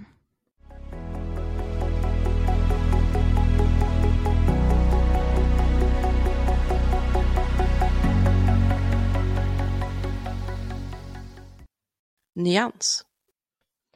Ja, nej men jag håller med er och, eh, och Kajans eminenta genomgång här att eh, med, med det, den bevisning som finns, det man vet om händelseförlopp, var Abbe har befunnit sig och så vidare och så vidare, så är det en jättekonstig dom från hovrätten. Att, att liksom komma fram till någonstans Mm. att nej, vi, vi kan inte döma för mord för vi kan inte bevisa vilken ordning saker hände. Det, så ser det ju väldigt ofta ut i, när det är mord liksom Ja. och ändå döms folk. Även fast man inte kan bevisa hundra exakt i vilken ordning någon blev slagen eller vad som hände. Men alltså det blir som att, Så, ja men det blir det- som ja, att säga att och det är här, inte ja, men första inte gången vi sitter vittnen liksom så går är det lite aldrig. frustrerade över att det blir en sån skillnad och vilka, ja, vilka värden man, man tillskriver olika vittnesmål eller bevisningar och sånt där. Det, det är ju samma, jag menar vårt allra första avsnitt eh, till exempel, när eh, vi då hade det här att i tingsrätten så bedöms flickan som väldigt eh, tydlig. Det, hon har för mycket detaljer, för mycket liksom, vittnesmål att komma med för att det skulle vara påhittat. Medan hovrätten bedömer att hon inte är tillförlitlig för att hon inte kan säga exakta datum saker har hänt och, och tycker att eftersom det är så många gånger som hon inte kan hålla reda på det så äh, är det ja, inte tillförlitligt och så frias mannen. Så att, ja, vi har sett det förr. Och jag tänker också osökt på den här Eh, fosterhemspappan som friades för att han hävdade att anledningen till att hans sperma hittades inne i slidan på eh, hans eh, ja, 15 eller 16-åriga fosterhemsbarn var för att han skulle ha runkat i en papperslapp, som, eller en pappersservett som han hade lämnat i handfatet på toaletten. Så att hon hade gått och tagit den eh, näsduken eller ja, pappersservetten och så fört upp hans sperma i sig för att kunna sätta dit honom. Eh, och han frias för att man menar på att, Mm. på att det på något sätt då skulle kunna utgöra en rimlig tvivel. Eh, och när vi, när vi pratar med rättssäkerhet och så, så blir det ju också en sån här sak som vi återkommer till. Alltså att det här utom rimlig tvivel är jävligt luddigt. För det finns ju Mm. ingen exakt definition på det här. Och jag tror att eh, vi och alla våra lyssnare tycker väl att det, det finns ingen rimlig tvivel att Abbe dödar Annie. Och ändå säger man liksom så att nej men det är inte utom rimligt tvivel nu att det var han som gjorde det. det. Det kan ha gått till på något annat sätt även om inte vi kan komma på något annat sätt. Nej, men precis. Alltså, det är verkligen som du säger, det är som att det ibland blandas ihop ehm, eh, bortom rimligt eh, tvivel och så här, det ska inte finnas ett uns av tvivel för någonting. Alltså rimligt tvivel är ju liksom att det, att det ska inte finnas någon annan eh, rimlig eller trovärdig, eh, något annat utfall liksom, än det som, Mm. som åklagaren lägger fram. Nej, precis. Och i det här fallet blir det så att, ja, men om ni nu ska komma med att det finns någon form av rimlig tvivel här, då måste ni ju kunna presentera någon annan trolig, eller åtminstone avlägset trolig eh, utgång, alltså vad, vad det egentligen handlat om. Och när man redan har sagt att, även från hovrättens sida, eh, liksom sagt att nej, men det här är inte ett självmord och det här är inte en olycka, vad finns det kvar då? Det, det finns ju liksom inget annan. Och de är ju inte heller inne på att oh, nej, men det skulle ha kunnat kommit in en, en annan okänd man eller något sånt där. Det, det har de ju inte heller på det här, utan då, då finns det ju bara det här kvar som, som rimlig utgång, att ja, men han gjorde det. Och, och det går ju Mm. absolut att säga liksom, att ja, men, döm han då för vållande till annans död. Att han inte menar att döda henne utan han ville bara skrämmas och få Ja. en hållhake. Ehm, det, det var liksom inte tanke att, att hon skulle dö. Men, men att fria totalt blir, ja, det blir jättekonstigt. Ja, det är jättekonstigt. Jättekonstigt att man inte, att man inte Mm. förhåller sig till de uppsåtsnivåerna på sätt som Ja, man brukar precis. göra. Det, det är jättemärkligt. Jag tänkte på en sak också när du, när du nämnde det, att det finns, att man alltid liksom säger något annat, ja men om den inte ska dömas för det här så kan, skulle den kunna dömas för det här. Ehm, du får rätta mig om jag har fel Hanna, men det är väl så Mm. också att om inte åklagaren har yrkat på de här alternativa brottsrubriceringarna så får man inte döma eh, efter någonting annat. Att eh, rätten kan bara Ja, ta ställning till de som, Mm. som finns listade. Ja, ja. Alltså, men det, och det är väl också de, det är väl något, det, det är någon komplikation med just det där eh, i, i det här fallet också. För att hovrätten i diskussionen om så här, kan han dömas för, nu ska jag se om jag hittar den exakta formuleringen här. Eh, Jag kan läsa. I sista hand har åklagaren yrkat att Abbe i vart fall ska dömas för grov misshandel och vållande till annans död, grovt brott. Att injicera en person med tramadol skulle visserligen under vissa förhållanden enligt hovrättens mening kunna utgöra misshandel, alternativt grov misshandel. Åklagaren har dock gjort gällande att Abbe misshandlat Annie genom att ha försatt henne i ett förgiftningstillstånd. I gärningsbeskrivningen, gärningsbeskrivningen är det som när åklagaren yrkar så måste de säga hur, vad är det som har hänt, finns en gradskillnad mot tidigare påståenden eftersom ordet dödligt utgått. Begreppet förgiftningstillstånd måste dock ses mot bakgrund av att åklagaren bland annat gör gällande att gärningen varit livsfarlig och att Abbe genom sitt handlande tillfogat Annie svår kroppsskada eller sjukdom. Enligt hovrättens mening är det alltså fråga om ett allvarligt tillstånd.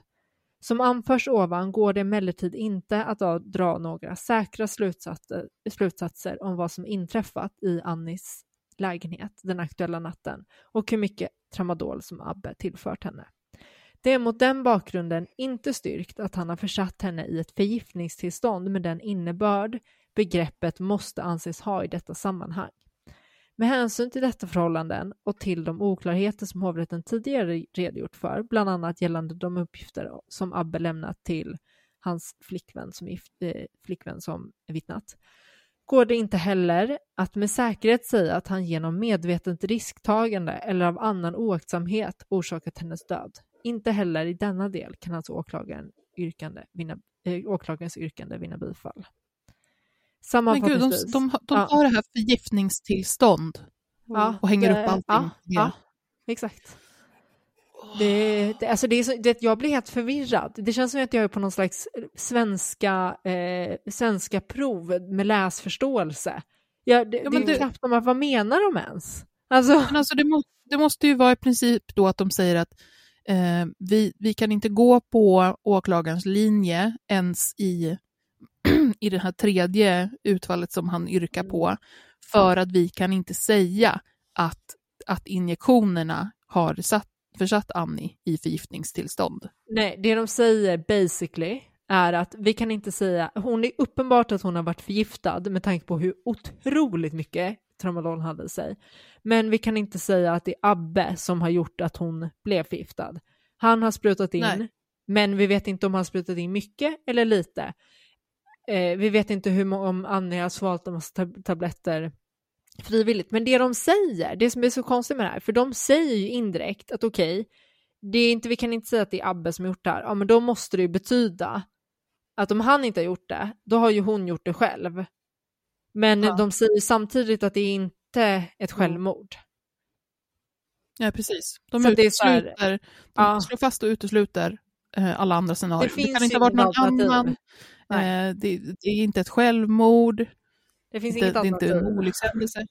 Nej, Nej. Det, det är, alltså den här åklagaren måste ha blivit Alltså jag tolkar det också som att de eh, När, blandar in de övriga som, som han hade eh, lagt in där. Liksom att, att eftersom han i de två första säger liksom att det handlar om mord eller dråp typ. Så, så eh, och Mm. där beskriver att han liksom med en dödlig injektion har tagit livet av Annie. Så ska man ta hänsyn till det även i den tredje där han inte längre säger att det handlar om dödligt utan då om ett förgiftningstillstånd där hon då dör av olyckshändelse i princip. Ehm, så att, då- och där blir det, som jag tolkar det, eh, nästan lite grann som att hovrätten säger nej men du kan inte ha det båda vägar. Antingen så ska det vara så att den här injektionen var dödlig eller så var den inte dödlig. Och var den inte dödlig, det vill säga ett förgiftningstillstånd, då gäller ju inte de två första. Eh, och vi kan ändå, och vi kan inte liksom bevisa Mm. att det var han som gjorde, alltså ändå förgiftade henne. Eh, och, är det in, eh, och är det dödligt, ja men då gäller ändå inte den här eftersom han inte har ansökt om att det skulle handla om ett dödlig, eller potentiellt dödlig misshandel. Så att det, det Mm. låter lite som att de också försöker resonera sig att liksom de här punkterna han har tagit upp, eller liksom möjliga åtalspunkterna, tar ut varandra. Att det är det de också lite kommer fram till, vilket är jättekonstigt. mm. Mm. Mm. Ja, det är hårklyveri alltså. Mm. Mm, det är det verkligen. Mm.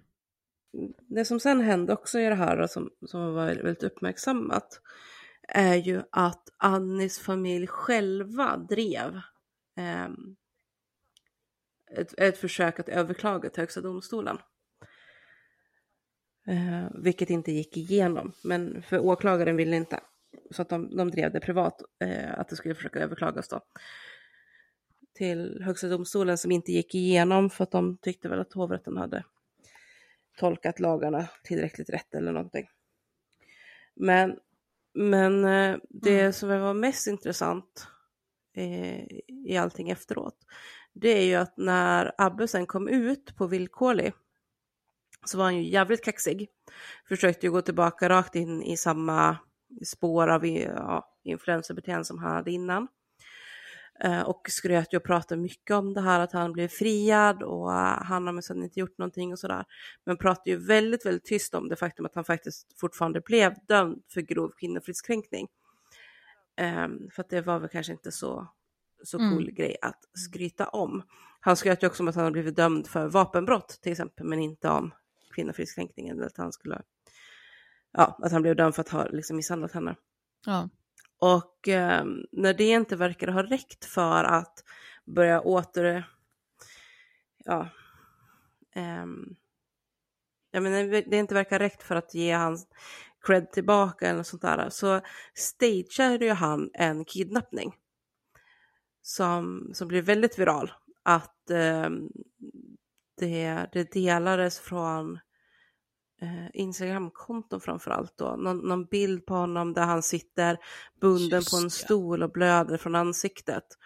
Som skickades runt och, och folk var liksom så här, vad shit vad är det som händer och det här på riktigt? Och det spreds runt jättemycket och så var det ett helt nystartat konto som var, eh, om ni följer oss så, eller så ska vi visa sanningen om, om vem Abbe är, kolla på våran live senare eller sådär så skulle de lägga upp då klipp på när de misshandlar Abbe, vilket jag tror också gjordes. Eh, men där folk tyckte att det var någonting som liksom inte stämde med det hela.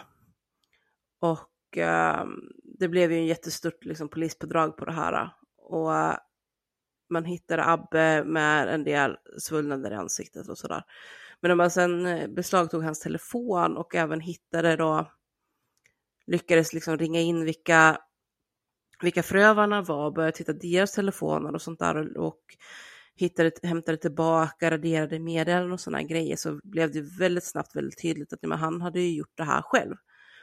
Han hade ju betalat dem för att göra den här grejen för att han skulle få uppmärksamhet och kunna liksom komma tillbaka i rampljuset. Så resultatet av det blev ju att han begick ett brott och eh, gjorde därmed överträdelse på sitt villkorliga frigivning. Så han flydde till Spanien.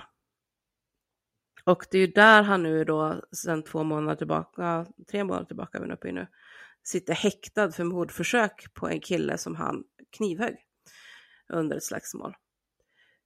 Eh, så att det, är väldigt tydligt att hans väldigt eh, reaktiva och våldsamma beteende inte har förändrats ett dugg. Ehm, mm. Vilket ju på många sätt egentligen mest bara är jättetragiskt. Jag, kom, jag kommer ihåg den här kidnappningsgrejen, mm. jag vet att jag följde det. Eh, handlar ju upp massa saker om det liksom hela tiden också. och, och berättade hur han hade flytt från de här som hade kidnappat honom. Han la upp bilder på när polisen var hemma hos honom och sånt. Men jag tror faktiskt att jag, att jag hade missat, jag vet att det var spekulationer om att han eh, mm. hade stageat det. Men eh, sen tror jag att jag tappade tråden så jag hade liksom missat att det mm. Slogs fast. Ja men det kom fram sen. Så att han, eh, och det var ju där, som sagt det var i samma veva som han drog. Så att han, han sitter ju häktad men han är ju också, eh, det finns ju en häktningsorder ute på honom i Sverige också. Eh, för att han ju egentligen vill man ju hitta honom och sätta in, alltså återföra till fängelse så att han får sitta av resten av straffet bakom fängelsemurarna eftersom han inte har skött mm. sitt villkorliga. Men nu får vi se, nu blir han ju antagligen fast i Spanien och i spanskt fängelse istället. Men, men det, det, man kan tydligt säga om oh. honom är ju att han är en väldigt våldsam och väldigt toxisk person. På, på många sätt. Och det... Jag tycker som när vi pratade om, om Martin så slog jag Lotta att det, där, att det fanns det här äh, röda tråden även där utav liksom våldsam redan från, från väldigt unga år och ett samhälle som liksom inte kan mm. hantera det, inte täcka upp, inte försöka hitta bättre utvägar ur det hela, utan där det bara blir att det här barnet är ett problem. Mm. Och till sist blir problemet för stort för att det ska ja. gå att lösa. Jag tror att det är lite där vi har hamnat även med, med Abbe, att han, det har gått för långt nu. Så frågan är om han kommer att kunna bättra sig. Ja, men och precis det som du, som du säger Paula, jag tänkte också på Lotta-fallet och när det kommer till Abbe så jag tänker på det som jag gick igenom då i händelseförloppet, att så tidigt som man märker de här, den här aggressionen och det här eh, eh, missanpassningen, utanförskapet och att han inte klarar de här, han vill väldigt gärna vara med andra människor och få det att fungera, men eh, han lyckas inte, han kan inte. Eh, och, och, när det då liksom också finns sådana orsaker till ett beteende och sen så samtidigt han är ehm, på autismspektrat, har svårt med förändringar, flyttas omkring som 17, känner sig sviken av hela vuxenvärlden och sånt. Eh, jag känner mig ju väldigt säker på att det eh, inte är ett tåg som går att stoppa, liksom, utan att det verkligen är eh, urspårat. Mm. Och kommer så vara. Ja, jag tror tyvärr det också. Um, och jag tänker, jag tänker från en urspårning till en annan så skulle vi kunna gå över på veckans snackis. Så gärna.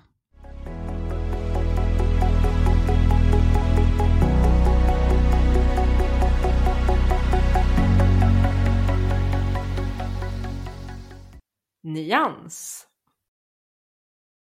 Och då tycker jag att vi ska ta och bara samla oss lite grann och så säga några ord om eh, rabaldret på Arbetaren. Oj, oj, oj, oj. Så eh, det har ju varit en eh, ganska turbulent, ja men vecka är det väl nu, två veckor snart, Mm. nästan som det har pågått. Efter att eh, Kajsa Ekis Ekman plötsligt utlystes som ny chefredaktör.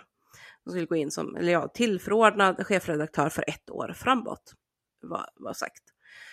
Och, och ganska direkt efter att den här äh, nyheten kom så kom nästa nyhet och det var ju att eh, flertalet anställda på Arbetaren samt Arbetarens styrelse protesterade eh, rejält kring detta och menar att för ungefär ett halvår sedan hade det varit på tapeten att eh, anlita Kajsa Ekman. Och då hade både styrelsen och de anställda sagt väldigt klart och tydligt nej till detta. Mm. Och istället var det väl Nathan Hammelberg tror jag som fick ta över ett tag. Eh, Och nu hade då vdn för Arbetaren eh, inte meddelat för liksom, tidningens styrelse eller de arbetande att det var dags att tillsätta någon ny chefsredaktör, utan bara meddelar att nu blir det Kajsa Ekis Ekman. Ja. Och eh, värt att ha med sig det här också då är ju att Arbetaren är, en, eh, är alltså syndikalisternas tidning. Eh, och är då en arbetarägd tidning. Ja. Med eh, en styrelse som, som bestämmer en hel del, men framförallt så är det ju då arbetarna som styr över själva tidningen. Så det är framförallt en medlemstidning för syndikalisterna. Mm. Och eh, den här vdn gick då runt exakt allting vad stadgar och regler sa om hur chefspositioner ska tillsättas genom att tillsätta Kajsa Ekis Ekman på det här sättet. Så de var framförallt fem stycken anställda som protesterade väldigt tydligt, varav tre sa upp sig i protest till sist. Och eh, två eller tre blev hotade med att få sparken om de fortsatte att protestera mot den här tillsättningen. Och hela tidningens styrelse avgick i protest. Ja. Eh, vilket då föranledde att eh, förra helgen, så lite mer än en vecka sedan då, så eh, hölls det ett krismöte inom syndikalisterna och där man då beslutade att dels då skilja den här vdn från sitt uppdrag, men också då att, att direkt häva anställningen av Kajsa Ekman med motiveringen att den inte hade gått korrekt till. Mm. Och eh, Kajsas inställning till det här har varit att hon skiter i skriverierna. Hon har inte hört något, om något, något tjafs. Hon har kontrakt och kontrakt kan man sedan inte bryta och att eh, en eh, facklig tidning som Arbetaren givetvis har koll på arbetares rättigheter och kommer inte bara sparka henne hur som helst. Eh, och idag då när vi spelar in den 6 september så kom nyheten att nu hade då uppsägningen eller ja, avslutandet av hennes kontrakt eh, skett formellt. Så att nu är hon formellt avskedad som chefsredaktör. Har hon lämnat någon kommentar på det? Jag har inte sett någon. Jag har inte heller sett någon Nej. om, om detta ännu. Utan nu, nu är det att hon får tills vidare lön. Eh, men får inte jobba som chefredaktör och jurister ska ta vid för att lösa det sista Mm. eh, kring det här då. Mm. Men i helgen så publicerade då Svenska Dagbladet ett försvarstal eh, för Kajsa Ekis Ekman. Underskrivet av en rad eh, journalister och debattörer. Eh, bland annat, eh, och icke förvånande, Cissi Wallin till exempel. Nej. och, och där skriver de då att de ser med oro på hur en kvinna som är fritänkande, intellektuell eh, och duktig skribent eh, blir eh, mobbad och utesluten och tystad för att hon vågar ställa frå tuffa frågor och ha kontroversiella åsikter. Jag orkar inte. Eh, det, var, det var någonting om ofrivilligt kontroversiell också. Eh, och att, ja, ofrivilligt kontroversiell. Eh, och att eh, osakliga påståenden eh, som gränsar till, gränsar till rent förtal har eh, eh fått eh, spridas som sanningar i media. Undrar och man hänvisar då, det var. Ja, och man hänvisar då bland annat till att en av de anställda som sa upp sig, som, som sa upp sig för att hon själv är transperson, eller hen själv var det nog förresten, förlåt, fel pronomen, eh, för att han själv är transperson, eh, sa upp sig då för att eh, hen inte ville jobba med Kajsa Ekman som chef. Mm. Och eh, att eh, hen motiverade det då med att jag, jag känner mig inte trygg att arbeta under en chef som eh, är känd för att notoriskt felköna transpersoner. Mm. Och då menar de att det här var ett osakligt påhopp. Mm. Um, och så tycker man att alla som är vänster och för arbetares rättigheter borde givetvis backa Kajsa Ekman i det här och förstå vikten av att man inte ska riskera att tystas eller få problem med arbetslivet för att man uttrycker kontroversiella åsikter. Man använder helt enkelt rakt av samma retorik som SD har dragit i hur många år som helst. Mm. När de inte får synas överallt, inte får samarbeta så mycket de vill med andra partier, inte, inte får precis som de vill helt enkelt. Så är det ett jävla grinande om att man blir tystad för att man är modig och ställer tuffa frågor. Yep.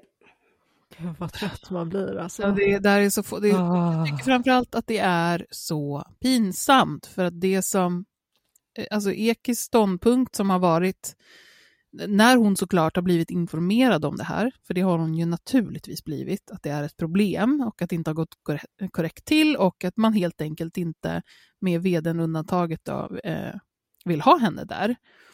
Att, att hennes ståndpunkt är så här, men jag har skrivit kontrakt så jag ska ingenstans, jag sitter kvar. Mm. Det är så... Äh, hitta något ord. Det är, mm. Pinsamt. Jag skulle, alltså, skulle jag sitta i den situationen um, och, vad de, och, och de säger så här, vet, vet du det här har blivit fel. Uh, vdn som, som skrev kontrakt med dig, han får inte göra så. Uh, så, så tyvärr så är det liksom inte giltigt och vi har det här problemet med att vi har en hel redaktion och en styrelse som, som inte går med på och tycker att det är bra att du eh, är där och är chef. Då får man ju mm. vara så här, det här tycker jag ni, det här blev jättedumt, det här var jätteolyckligt, jag tycker att ni får betala mig ett tag för det här har inte varit en rolig situation för mig. Men naturligtvis så kommer jag inte eh, alltså ens vilja vara kvar. Nej men alltså vem vill vara kvar när alla vill ha bort dig? Det måste ju vara helt mm. fruktansvärt. Ja, men då, ja. Alltså det är jättekonstigt. Jag hade ju, alltså, jag kan inte tänka mig något värre än att gå till jobbet varje dag och bara veta att så här, ingen vill att jag ska komma dit. Men att bara klamra sig fast och bara, nej men jag har skrivit kontrakt. Då bara, nej men för det första så var, så var det inte ett, ett giltigt kontrakt. För det gick mm. emot eh, stadgar och grejer som inte liksom kan viftas alltså, bort hur som helst. Och sen så, liksom för det andra, folk säger upp sig. De vill ja, inte ja. du är där. Men alltså förlåt, men vem bryr sig om kontraktet? Så här, ja, det vore ju rimligt om typ hon får någon slags ersättning för den jobbiga situationen. Så här, ja. fair, det fattar jag. Det ja. hade. Men, men som du säger, folk säger upp sig. Man bara, hallå? Mm. Ja, ja, men ni får, ni får betala mig lön i tre månader ja. um, mm. för det här uh, jäkla besväret. Uh, det är det mm. minsta ni kan göra. Uh, jag hoppar av det här med omedelbar verkan. Mm. Så behöver vi inte prata jag menar, det, det är viktigt, alltså det är folk som inte har sagt upp sig, men som helt enkelt inte kommer in på kontoret när hon ska vara där. Mm. Men är det Under alltså... de här två veckorna som har varit. Mm. Vad skulle du säga Hanna?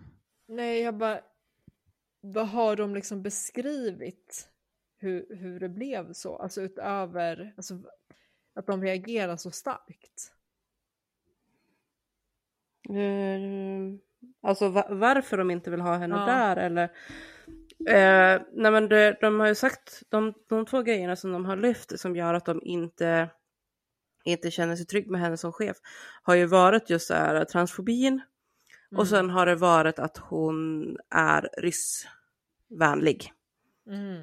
eh, för att trycka det milt. Och där man då pekade på den här tweeten om att Russia Today är eh, en lika säker, neutral och eh, högkvalitativ källa till nyheter som BBC. Men alltså har hon, sagt, har, hon, har hon liksom sagt det med att hon är seriös? Eller har hon tagit tillbaka det och varit såhär, nej men det här är ju- var ju ett första... Nej, nej, hon står för det. Ja, Men alltså det är ju helt sjukt. försvara det. Men Hon har alltså, but why? Alltså jag fattar inte, va? Mm. Det, huh? Och samma det här att det skulle vara osakligt att hävda att hon, hon felkönar och sådär. Alltså, eh, när man läser i den här boken då, som man, då, då hänvisar de ju till den då, det här med, med könets existens i hennes bok. Liksom så här att, ja, men, hela kapitlet om typ Norge till exempel, när de tar exempel på det här med självidentifikation så lyfter de ju Norge, där det var en kvinna som eh, blev åtalad men senare och så tänker jag, jag tror att hon blev dömd och sen friad till sist. Ja, skitsamma hur det gick egentligen. Men eh, som blev åtalad för, för, för eh, hatbrott eller kränkande, diskriminerande behandling. Eh, efter att eh, flera gånger har sagt åt en transkvinna att hon inte fick byta om inne på damernas omklädningsrum. Mm. Trots att hon hade också fått veta ifrån personalen på gymmet som där gällde att transkvinnor var välkomna där och de var välkomna att byta om på damernas rum. Eh, och där den här eh, transkvinnan liksom sa att efter ett tag, "Men du vet varför jag byter om här liksom. Mm. Eh, bara låt mig vara. Hon fortsatte ju ändå liksom säga att du får inte byta om här. Och eh, genom hela texten om det här så omskriver ju Ekis, den här transkvinnan Sandra, som han, mannen, eh, om och om igen. Och det här har hon fått Helt en, en kritisk fråga om i media senare, efter boken kom ut. Eh, och det var ETC där de frågade liksom så här, men var, varför felkönar du till exempel Sandra som du vet är kvinna och som juridiskt var kvinna Mm. när det här hände och så vidare. Och då var hennes svar på det bara, eh, men hur, hur kan han vara det? Han hade ju fortfarande snopp. Wow. Men alltså, eh, alltså what the fuck? Alltså förlåt men jag är... Uh, Men, och det är liksom, vi är så beyond diskussioner om Ekis är transfob. Det är ju, det är ju bara ett, Mm. ett faktum, det vet vi ju om. Mm. Och grejen är att har du sådana, har du foba inställningar eh, så kommer du inte platsa som chef överallt. Nej, Mm. nej. och det är liksom inte du, det är ingen som hindrar dig från att fortsätta ha dina foba eh, föreställningar om, om världen. Men de kommer göra att du inte eh, platsar överallt. Men också så här, Mm. snacka om att bara slakta en hel verksamhet. Hon bara drar ner hela skeppet. Ja. Och Mm. bara låter den bara förgöras. Mm. Mm. För att hålla fast vid, vid, vid sitt liksom. Också, Mm, det var en känns så- ganska obehaglig eh, ignorans gentemot, tyckte jag, i hennes sätt att, um, när hon blev, då blev vi intervjuade, så här, men, ja, men hur känns det med att det är personer som säger upp sig och som inte vill gå till jobbet och att hela styrelsen är emot det och sånt där. Då bara är så här, det där har liksom inte med mig att göra. Jag har fått mitt kontrakt, jag har inte märkt av någonting. Jag tänk, kommer göra ett bra jobb, jag har redan börjat med det här och det här och det här. Ja men det är Mm. som bullshit. Ja, alltså det är som, gud vad hon ljuger, förlåt men det där är ju inte sant. Nej, det är klart det inte är sant. Nej. Och det är som en, alltså, jag såg Cissi som skrev om det också, typ att, ja men, någon sån här att, ja, någon som säger upp sig för det här, eller så lycka till ute i arbetslivet och hitta någon arbetsplats där du kan kolla av din chef i förväg att eh, han eller hon har exakt rätt värderingar eller alla dina arbetskamrater, bla bla bla. Och jag känner som bara, fast nu handlar ju det här om en syndikalistisk tidning Alltså det fackligaste av det fackliga du kan få till ungefär. Som bara handlar om arbetares rättigheter. Mm. Och där ett ganska centralt eh, dilemma, höll jag på att säga, men det heter det inte. Ah, jag sökte något annat ord, skitsamma. Men eh, så, centralt för det arbetet liksom är det här att du ska inte bli eh, diskriminerad på din arbetsplats. Mm. Och om du upplever diskriminering så ska du kunna gå och prata med din chef om det och få stöd och förbättring, för chefen har ansvar för arbetsmiljön. Och om du då är transperson och blir utsatt för transfobisk diskriminering på arbetsplatsen, då är det ganska rimligt att känna att det är nog inte så lätt att gå och prata med en chef som uttrycker exakt samma typ av transfobiska föreställningar som kollegan som precis har diskriminerat en. Mm. Och det är inte orimligt att tro att den här chefen inte kommer ta det på allvar och därmed känna sig väldigt otrygg med den typen av chef. Ja, visst, självklart. Och sen är det givetvis så att det kommer vara jättesvårt i förväg när man tar ett nytt jobb att veta om, om chefen kommer ha schyssta värderingar eller verkligen vara en bra chef som kommer ställa upp när det behövs och sådär. Det har man aldrig garantier på. Men i det här fallet så handlar det ju också om att arbetarna var tillfrågade. De sa nej, vi vill inte ha den här personen som Ja. chef. Och så fick de plötsligt det ändå. Och ska man nu hålla på och prata här utifrån om arbetsrätt och sådana grejer, då bör man ju vara ganska jävla införstådd med att i ett sådant läge så är det arbetarnas linje man ska gå på oavsett om man tycker att chefen har rätt åsikter eller inte egentligen. Och det, det är det jag tycker nog nästan skevar allra mest i det här, i den ställningen som, som Ekis har tagit och många av hennes försvarare. Att man pratar om henne som att hon är en av arbetarna. Men det Mm. är hon inte i den här situationen. Hon är chefen. Mm. Och sen måste man också säga att det är en väldig skillnad på att bara hysa åsikter om någonting och att faktiskt bygga sig en karriär eller ett varumärke på sagda åsikter. Det är liksom inte Mm. någon, något eh, tankar och resonemang som, som Eki sitter och, och liksom bara yttrar hemma vid matbordet och som gör att hon blir oanställningsbar. Det här är ju ehm, mängder av olika plattformar och forum där hon jobbar hårt för att nå ut med och opinionsbilda kring de här frågorna. Och är det Mm. då så konstigt att man då i vissa fall kommer få ta konsekvenserna att det här som du opinionsbildar kring går inte alls ihop med det som vi pysslar med här. De är inte förenliga. Och då får man väl säga, nej men okej, jag ser, jag ser hur, ni, eh, hur ni kan känna så, jag kan förstå det, jag får söka mig någon annanstans. Det, jag förstår inte att det är att det är så svårt att greppa. Nej. Nej, det är, alltså det är hela grejen är bara orimlig. Ja, och jag tror knappast pinsamt. att det... Det är fruktansvärt pinsamt. Och jag tror heller inte att det är liksom unheard of med folk som säger upp sig efter en tid på en arbetsplats när de konstaterar att jag kommer inte trivas med den här chefen eller jag kommer inte trivas med de här kollegorna. Eh, eller det blir utsatt för någonting av den här chefen. Alltså hur många är det inte som tvingas byta jobb på grund av arbetsplatsmobbing där chefen inte kan ta itu med det? Mm. Hela tiden. Ja, och är det, är det någonsin så att den som kallar sig då för vänster och för arbetstagarna någonsin skulle komma och hävda då liksom att ja, nej, det är helt orimligt att du vill sluta det här jobbet för att din chef inte kan ta itu med att du blir mobbad på arbetsplatsen. Mm. Och hur ska man göra då när det är chefen som är mobbaren? Mm. Men det som jag skrev i ett, i ett inlägg idag, liksom att eh, det, det, det så tydligt kommer tillbaks till i försvaret utav Ekis från de som nu försvarar henne, är att man liksom tycker att transpersoners känslor är inte relevanta. Mm. Vad vi känner, vad vi upplever och sånt där, det behöver man inte bry sig om. För, som jag tog exempel där då, liksom, hade det varit en, men säg att det hade varit en arbetsplats där man hade blivit tillfrågad om man skulle vilja, ja, jag vet inte, säg att Jordan B. Peterson ska komma och jobba som chef. Jag satt precis och tänkte på honom. Ja. Eh, när man är kvinnor som arbetar.